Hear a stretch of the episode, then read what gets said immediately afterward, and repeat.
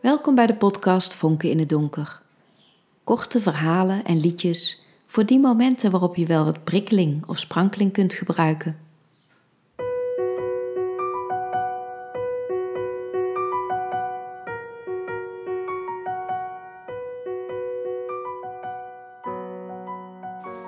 Een bril van pijn.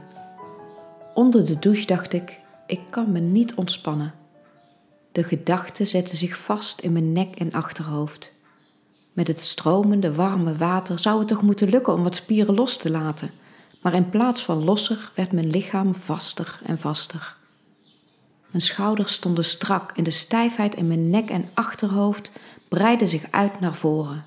Ik voelde een bril van pijn op mijn neusbrug, rond mijn ogen en vanuit mijn ooghoeken tot boven mijn oren. Een loodzware, strakke bril die steeds nadrukkelijker aanwezig was. Ik schoof het douchegordijn opzij om in de spiegel te kijken. Die was beslagen en ik zag niks. Ik stond ook alweer veel te lang onder de douche. Al die zinloze gedachten waar ik me alleen maar slechter door voelde. Al die waterverspilling in plaats van me gewoon efficiënt te wassen. Of in ieder geval mindful, zoals ik op de cursus had geleerd. Maar nee hoor, mevrouw Mindless kon er weer eens niet bij blijven met haar aandacht en verloor zichzelf in zelfbeklag. Hup, kraan uit en afdrogen, nu wel met aandacht. De ruwe stof van de handdoek op mijn hand, mijn arm, mijn schouder. Met twee handen aan de uiteinden de handdoek over mijn rug bewegen. Druppels uit mijn haar die mijn rug weer nat maakten. Eerst mijn haar of eerst mijn voeten afdrogen. Als ik eerst mijn haar deed, zou het druppelen afgelopen zijn, maar zou er een kleffe handdoek overblijven voor mijn voeten. En zou ik dan geen voetschimmel krijgen? Nee, hè, was ik alweer aan het denken en problemen aan het maken die er niet zijn, zo vermoeiend. Nadat ik toch maar eerst mijn voeten had afgedroogd en mijn haar in de handdoek had gedraaid, uiteraard met een wiebelende prop op mijn hoofd in plaats van zo'n sierlijke tulband als elegante vrouwen maken, zag ik in de beslagen spiegel iets verontrustends iets donkers in mijn gezicht. Mijn adem stokte. Zou ik de spiegel schoonwrijven? Met kloppend hart kleedde ik me aan. Ik moest me niet zo aanstellen. Mijn linker sok stropte om mijn voet, blijkbaar toch niet zo goed afgedroogd. Bij het aantrekken van mijn rechter sok viel ik bijna om. Waarom gaat niks vanzelf?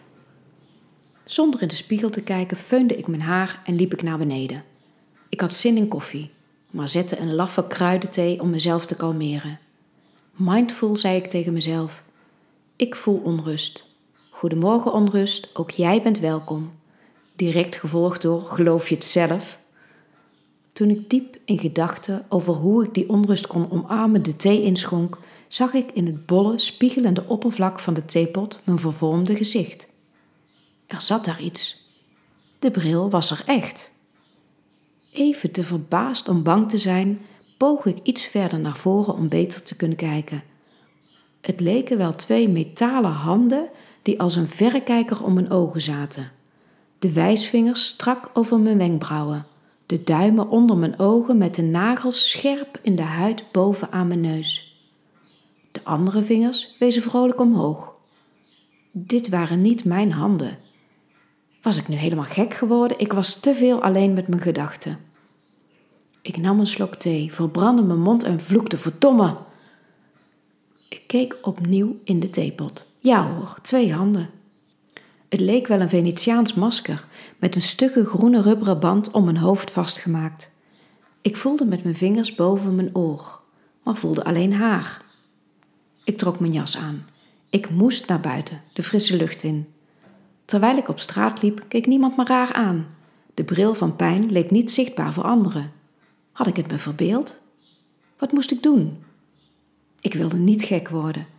Ik wilde me wel ontspannen. Een dik uur wandelde ik door de straten. Heel af en toe was er een moment dat ik niet piekerde. Toen ik thuis kwam, ging ik mijn tanden poetsen. Uiteraard liep de tandpasta met mijn speeksel uit mijn mond op mijn shirt. Hoe doen andere mensen dat zonder te knoeien? Ondanks mijn ergernis schoot ik in de lach.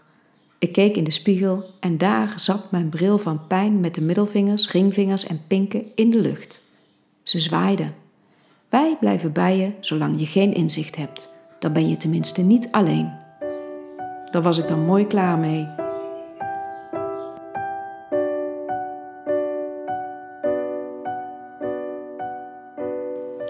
Bedankt voor het luisteren naar het verhaal Een bril van pijn in de podcast Vonken in het donker.